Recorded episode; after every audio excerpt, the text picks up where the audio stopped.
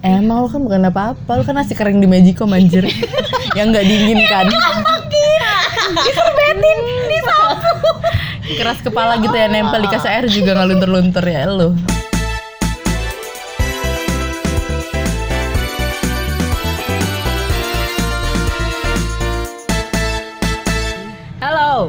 ada apa dengan podcast? Balik lagi di episode ketiga ini eh, si Andi sama Alvan nggak bisa nemenin. Jadi aku hari ini sendirian tapi nggak bener-bener sendirian karena di sini ada juga Ari. Terus nggak cuma Ari di sini juga ada Nabila. Hai menyenangkan sekali sih yes.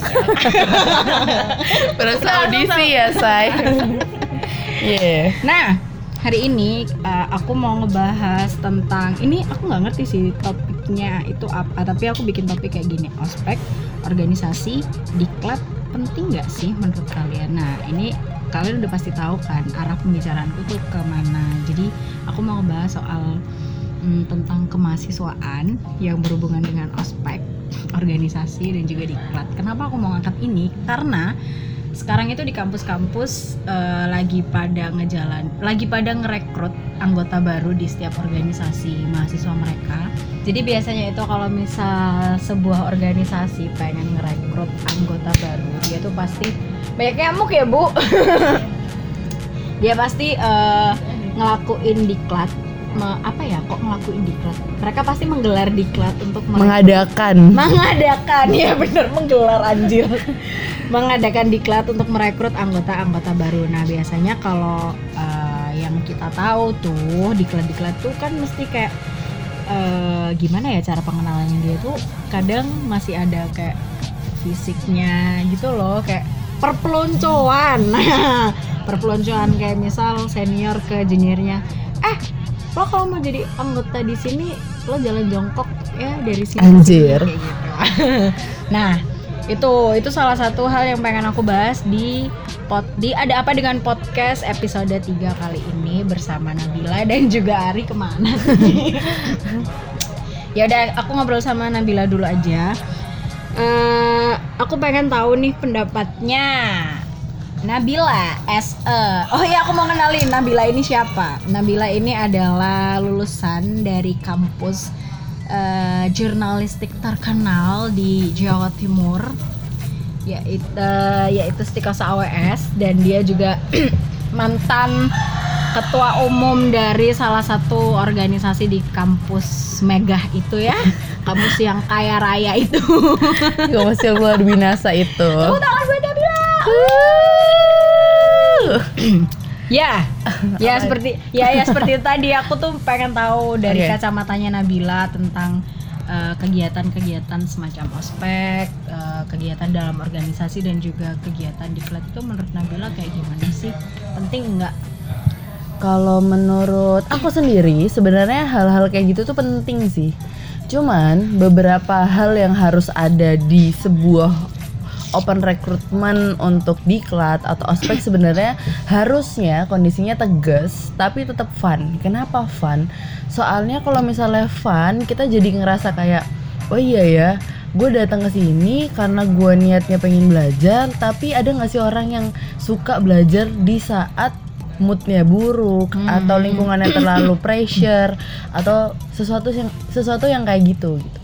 Nah, gue merasa bahwa Gua anjir nih masih Iya, di sorry, Surabaya sorry ya. nih. Ini masih di Surabaya nggak apa-apa nih. dong, biar semakin kekinian gitu kan ya. Anak susul ya, Surabaya Selatan. Betul lo gak? Ah, bener anget. ya bener gitu. Nah cuman yang kemarin eh, pernah tau gak sih kayak ospek-ospek ataupun diklat-diklat yang lagi viral yang Yap. mereka sampai kayak minum berludah dan lain sebagainya. Aku rasa itu sebenarnya nggak perlu banget sih karena terlalu berlebihan. Soalnya yang paling penting adalah makasih loh. Yang paling- Baik banget ya. Sorry gue mau pakai autan dulu. Soalnya udah diolesin sama Ari, dia tahu gatel-gatel gitu tempat akhirnya bikin podcast. Gak banget guys. Tapi it's okay. Jadi kayak ya sebenarnya nggak penting untuk melakukan hal yang terlalu ekstrim gitu sih. Karena kita juga harus mementingkan kesehatan juga ya. Dan menurut aku itu nggak sehat takutnya ada yang HIV atau apa. We don't know kan. Lingkungan pergaulan zaman sekarang say. Jadi free sex. Ya kan anjir ya hmm, ya kan? Penyakit GG. Hmm. Gendeng. penyakit GG gitu. Gitu sih kalau menurut aku penting karena banyak banget orang-orang yang nggak ikut organisasi dia jadi kayak nggak tahu gimana caranya untuk berusaha lebih keras ataupun punya mental yang bagus karena nggak semua orang di rumah juga dididik dengan keras kan. Padahal di dunia ini juga nggak ada hal yang bakal sebaik di rumah gitu. Jadi sebenarnya penting tapi nggak over. Gila, episode kali ini Waduh, berbobot sekali. Ya dari mana episode pekan lalu?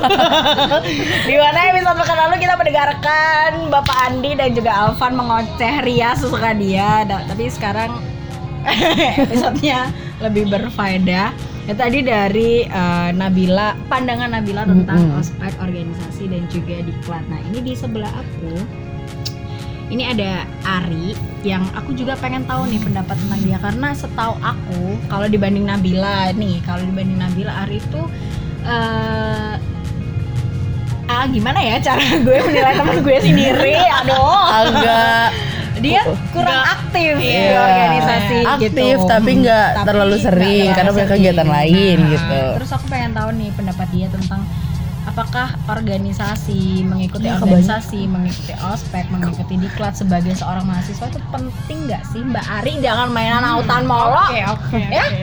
jangan mainan autan molok gue pegangin nih pinter kan gue pinter nggak sambil lanjutin aktivitas Gimana autan gimana? Apa ya? bento juga sih nih anak ya Allah menurut kamu nih sebagai mahasiswa yang uh, ka- tingkat keaktifannya itu 60 persen. Kurang kayaknya 30% saya. Wah. aku rasa. Ya. Karena saya ini eh, kumpulannya semut dulu itu. Anu, Unwoman ya Iya, terkenalnya aduh. Coba dengan wanita semut. unspoken woman. Kayak wanita nggak ngobrol gitu. Tak terkatakan. Gimana saya? Iya, anti social social Aku ansos. Oke baik baik. Ya, Mari sebagai- kita lanjut ke rel nih bu.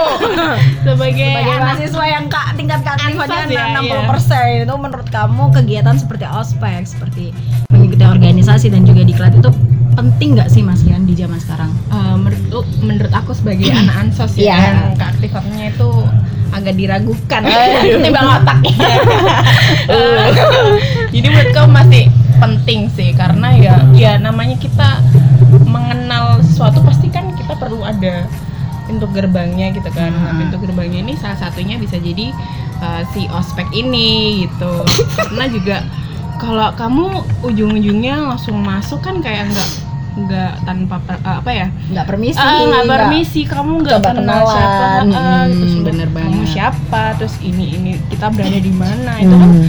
penting juga Aku gitu dan mana dengan organisasi menurut aku juga eh, ini bisa dibilang ya pasti pasti penting juga karena ya kita itu apa ya di masyarakat ya, ya bergerak masyarakat itu kan salah satunya dalam bentuk eh, sebuah Berinteraksi eh, gitu ya. organisasi juga jadi kita bisa belajar apa ya banyak di organisasi, Organisasi. sebenarnya Ah, gitu. Misalnya dulu kita nggak tahu nih, misalnya ca- cara solving problem lah ya. Solving problem Anda semua ngerti nggak solving problem apa? Memecahkan masalah. gitu. Anjay Ya misalnya Suka aku kan kejaksel-jakselan iya, ya. memecahkan masalah misalnya kan. Misalnya kita oh kita mau mengadakan acara dengan budget segini. Terus gimana caranya eh, kita harus me- eh, apa ya? me- pokoknya mau nggak mau Mendapatkan ya hasil ah, yang gitu, sudah bagus ada, gitu. ada hasilnya gitu terus eh, menurut aku hell? Lanjut ibu. aduh saya terdistract ya goblok anak seperti ini Podcast kali ini kenapa main distract anjir? ya itulah penting menurut aku penting penting Eh, saya hanya mengingatkan ibu, ibu sekarang berkoar-koar ngomong organisasi penting. Ibu dulu ke mana aja bu?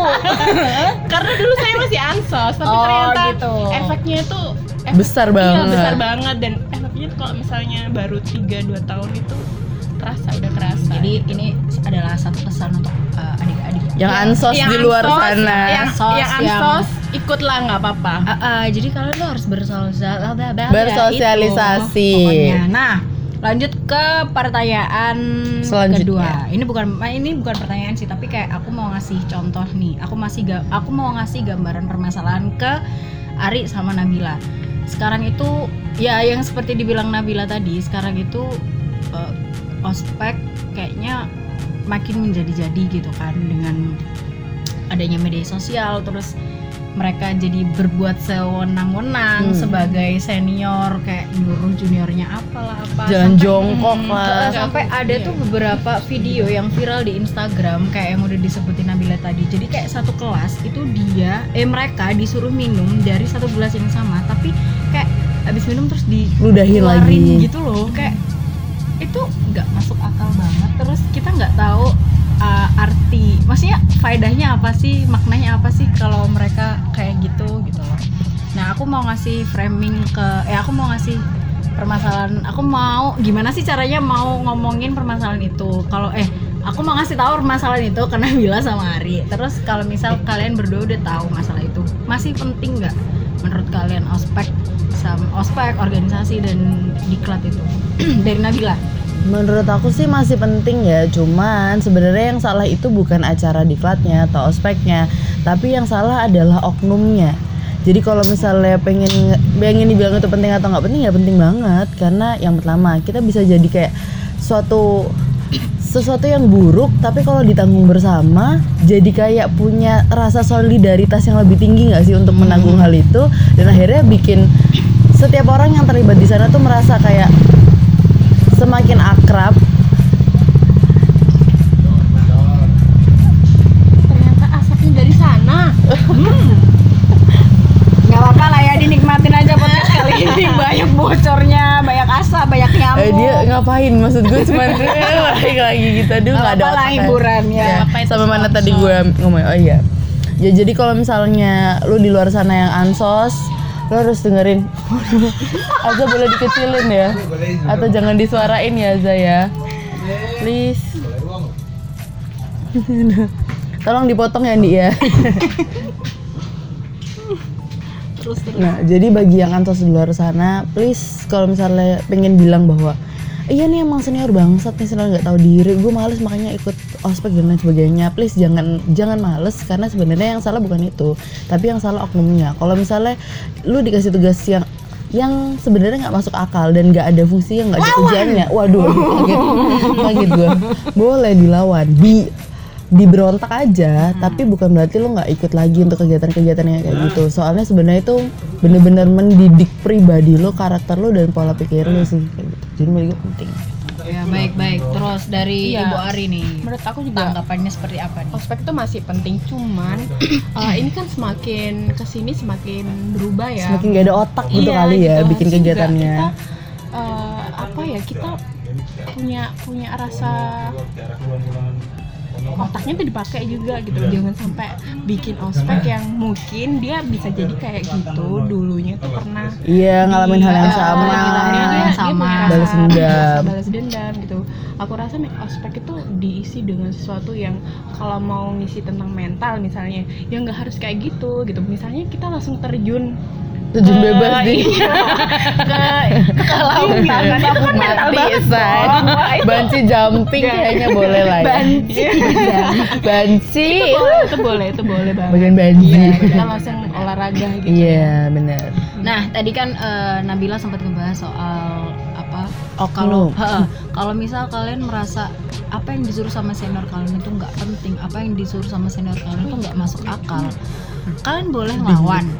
Tapi kalian juga ngelawannya yang masuk akal juga Yang gitu pinter loh yang gitu pinter loh. gitu loh. jangan Des. senior kalian nggak pinter kalian balasnya nggak pinter sama aja bo tapi gini tapi gini biasanya kan namanya anak baru kan Hmm. nggak berani Takut. gitu takut takut nah itu bisa cari apa ya menurut aku bisa cari bukan masa sih apa ya namanya Eh, merekrut mempengaruhi gitu loh misalnya yang kamu sependapat oh iya sependapat gitu cari temen untuk ngelawan. Jadi jangan sendirian. Lu harus cari masa lu harus kumpulin teman-teman untuk ngelawan Berani senior senior bersuara ya. anjing kayak gitu. Tapi gimana sih kalau misalnya kalau adik-adik itu takut nih nyuarain terus kita harus kayak gimana? Itu seperti apa?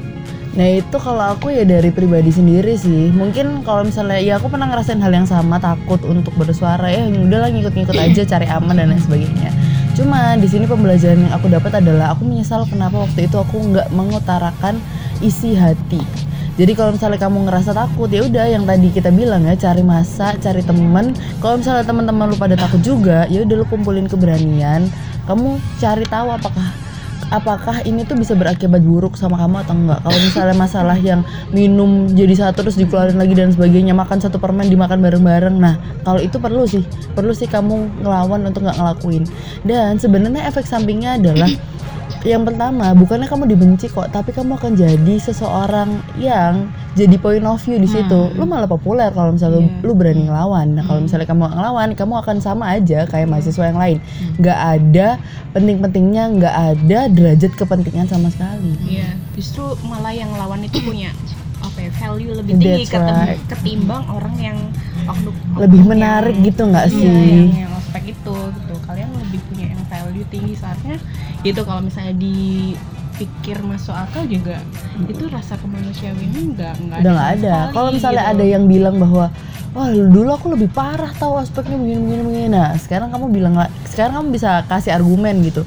Kalau misalnya dulu kamu dikasih bidang ospek yang sangat berat nah sekarang kamu pikir-pikir lagi kak. Kira-kira hasil didikan tersebut punya tujuan apa sama kamu? Iya, apakah yang pertama didik mental kamu atau kedua malah bikin dendam doang? Nah sekarang kamu cuman mendapatkan apa? Dendam doang. Akhirnya kamu balas dendam ke kita. Nah ini akan efek sampingnya akan terus seperti itu. Dendam dendam dendam dendam. Nah kamu cari tahu dulu. Kamu bisa cari tahu kalau misalnya ini ospeknya ternyata nggak ada visi misinya. Ini aku kamu suruh ngeludahin minum ini atau aku suruh makan permen yang jadi satu ini nggak ada value nya yang ada kalau misalnya ada yang kena HIV gue ketularan lo mau tanggung jawab kalau gue mati. Kamu bisa jawab. Manusia udah gede jangan bego. 2019 coy. Udah jangan bego. Janganlah. Nah, sudah aku bilang jangan berperang. Udah nggak juga mati lah kau.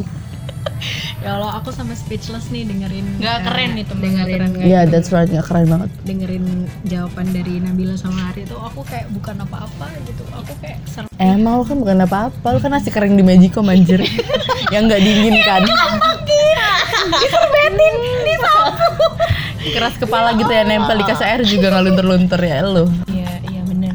Terus nanti di PP di apa diterik matahari. Hmm, jadi ini ya, karang. jadi rengginang. itu masih kebagusan. Oh, masih kebagusan. nyampe Nasi aking mana ya anjir. tadi?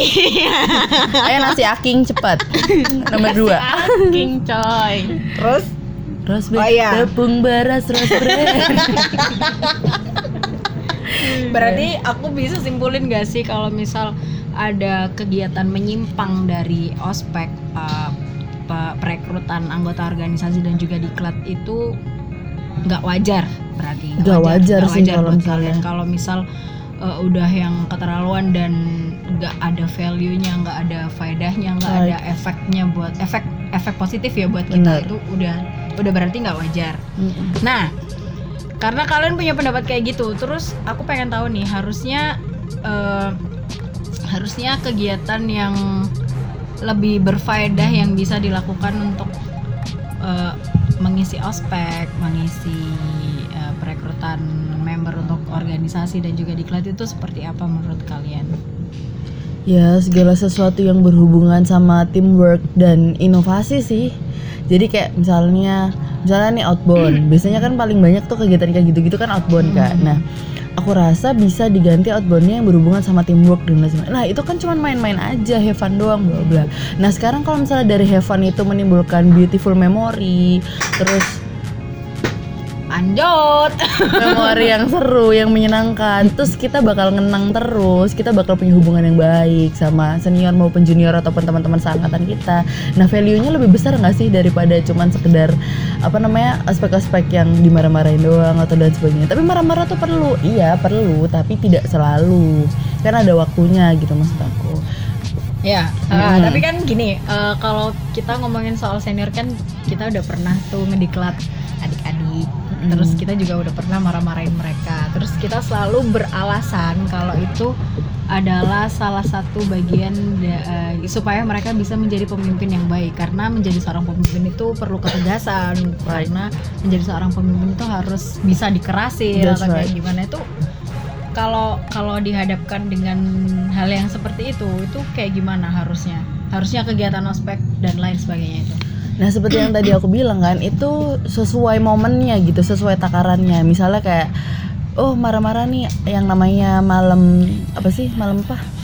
malam Jumat Kliwon Anjir, bukan. Apa sih kita nyebutnya biasanya kayak apa sih? apa jurit malam Iya. Jurit malam. Apa sih cakrawala? Apa sih? Cak cakrakan Caraka. Anjir. iya. cakrakan Caraka. anjir cakrakan Misalnya tuh kayak caraka. Nah di momen caraka ini kenapa sih kita berhak kita berhak marah-marah, kita berhak ngasih ngasih sesuatu yang memancing emosi, kita berhak pressure dan lain sebagainya. Dan kenapa tempatnya harus di alam, tempatnya harus di luar, di hutan ataupun di tempat outbound. Nah itu sebenarnya ada reasonnya yang kalau misalnya cara mendidiknya tepat itu pasti akan tersampaikan value-nya juga tepat gitu. Misalnya kayak eh, kita nih di dalam hutan gelap-gelapan orangnya cuma dikit tapi yang marah-marahin tuh banyak. Sama kayak misalnya kalau kita di dunia kerja kan. Kalau misalnya kita sendirian gak punya siapa-siapa tapi orang-orang sekitar kita tuh isinya tuh cuman pressure nggak suka sama kita cuman ngasih kerjaan doang lingkungannya nggak fun dan lain sebagainya. Nah itu bisa jadi suatu titik untuk kita healing sendiri. Karena kita udah pernah ngerasain posisi yang sama. Oh aku pernah kok lebih berat lebih sumpek lagi dari ini. Tapi aku bisa melewatinya gitu. I can through this gitu. Nah aku pengennya orang-orang yang ngerasain momen ini juga bisa mikir kayak gitu. Karena ada maksudnya ada beberapa orang yang nggak pernah mengalami hal tersebut dan saat dia dihadapkan pada posisi tersebut dia bisanya cuma marah-marah doang. Ah apaan nih nggak bener nih ospek marah-marahin bla bla bla bla tapi mereka nggak sadar saat mereka turun di dunia kerja itu ada efeknya. Mereka jadi nggak ngerasa nggak ngerasa terkucilkan lagi. Mereka jadi kayak ngerasa ngerasa lebih tough gitu nggak sih? Karena Ah, mereka iya udah sih, pernah iya. itu aku ngerasanya- setuju. ngerasa Itu iya. efeknya tuh nggak cuman ya kamu nggak bisa kamu misalnya ikut organisasi ya efeknya emang kadang nggak cuman pas waktu itu Betul. ya itu bisa jadi itu dua atau tiga tahun. Baru Tapi itu- kerasa iya, banget. gitu loh baru kerasanya nampol banget tuh di situ Hmm. salah satunya tadi tahan banting lah Betul. ibaratnya Nah itu jadi kayak memori gitu gak sih Iya. kenangan kita. Oh anjir, dulu aku juga pernah dimarah-marahin kayak gini nih, Hmm. pernah ada perasaan pressure kayak gini nih. Nah setelah itu kita kan selama ospek nggak pernah juga setiap hari marah-marahin mereka, tapi pasti ada momen juga di mana mereka nge-game, teamwork, mereka ngerasain enak nggak enaknya bareng-bareng. Mereka punya good memories juga, namun juga ada bad memories, tapi bukan sebenarnya bukan bad memories sih, lebih kayak- lebih kayak pressure, Pengajaran, pengajaran pengalaman. betul. Pressure emotionally tapi itu nggak selalu. Nah itu yang aku pengen sampaikan ke uh, orang-orang yang lagi ngelaksanain ospek ataupun diklat sekarang ini. Jadi kalau misalnya kamu emang pengen ngedidik iya boleh silahkan. Tapi jangan selalu karena kalau misalnya selalu orang juga bisa ada enaknya kan. Nah itu yang bikin orang benci sama ospek adalah itu. Karena momennya selalu emosional bukan yang maksudnya ada part-part funnya oh ternyata ini ada serunya ada kumpulnya ada momen di mana mereka nggak selalu dimarahin jadi kayak Gitu. detak jantung gitu loh Detak Eh, betul. jantung. ya kan habis cepet Uh, tuh adrenalin, Oh, terus adrenalin. Jadi kan itu Baik. harus ke, ke psikologi orang Iya juga benar.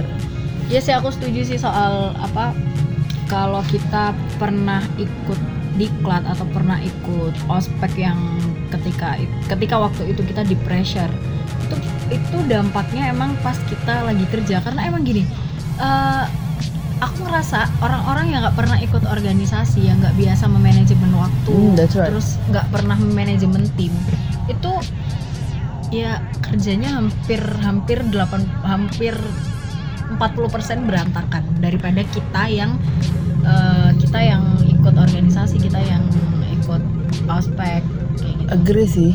Soalnya menurut pendapat gue sendiri, maksudnya kayak misalnya lingkungan kerja gue yang sekarang, mostly mayoritas, ah ya sorry, Iya sama Mostly- aja. iya, Mostly, iya. mostly Eh, sorry, sorry. mayoritas Pemborosan mayoritas. kata ya. Mostly orang-orangnya Wah, emang itu. jaksel banget ya bu. Mostly orang-orangnya itu pasti kayak mereka nggak pernah bukan nggak pernah mereka tuh ikut organisasi tapi kerasa nggak sih bedanya orang-orang yang bener masuk banget ke dalam organisasinya itu dan mereka ngelit sendiri itu pasti akan kerasa banget di lingkungan kerjanya bukannya bukannya mau eksis atau gimana tapi anjir. Lagi serius bangsat punya lagu nih sama coy? ah ah. Karena telah kami coba kita aku ku tahu. kau berdusta. Ya. Cinta ini. Lanjut lanjut ya itu loh Oh, iya, en- iya. anu lagu kebangsaan Oh, ada Orang jadi yang- bahas lagu kebangsaan ya.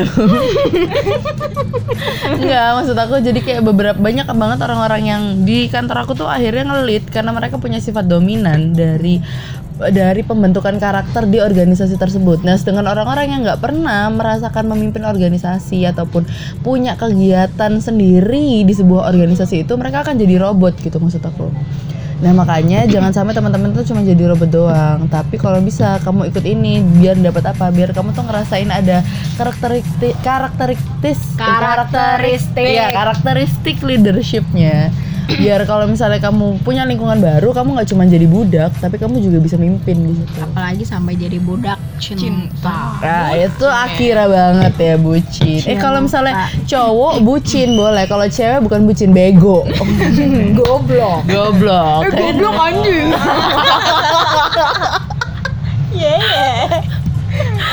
Ya ampun. Apalagi ya? Ngomongin Udah apa lagi kayaknya, ya? udah Udah habis. kayaknya udah habis ya. Kayak akhirnya ketiduran deh bahasa hal yang penting tuh soalnya otaknya nggak muat Iya, deh. kalau berat emang kayak gitu Iya ya, gitu. Nggak, Jadi kayak nggak. kayak slow gitu ya, Nah, kayak tapi berat yang nyusun gitu. nyusun ini semua aku. Oh, iya, iya. Itu dia otakku itu jabatan dari director sampai Akar-akar. iya staff bantu Aduh, Karena aduh, apa aduh. ini efek organisasi? Anjay. Efek organisasi. tapi multitasking itu benar apa enggak itu Multitasking benar. Multitasking Gue merasakan siapa? sendiri. Oh iya Ya multitasking kan benar benar. ngerangkap Iya, iya, semuanya. benar. Betul. Gue merasakan akhirnya ini sekarang saya udah sangat berkembang jadi Iya, semakin tangannya multitasking bener. Gurita say.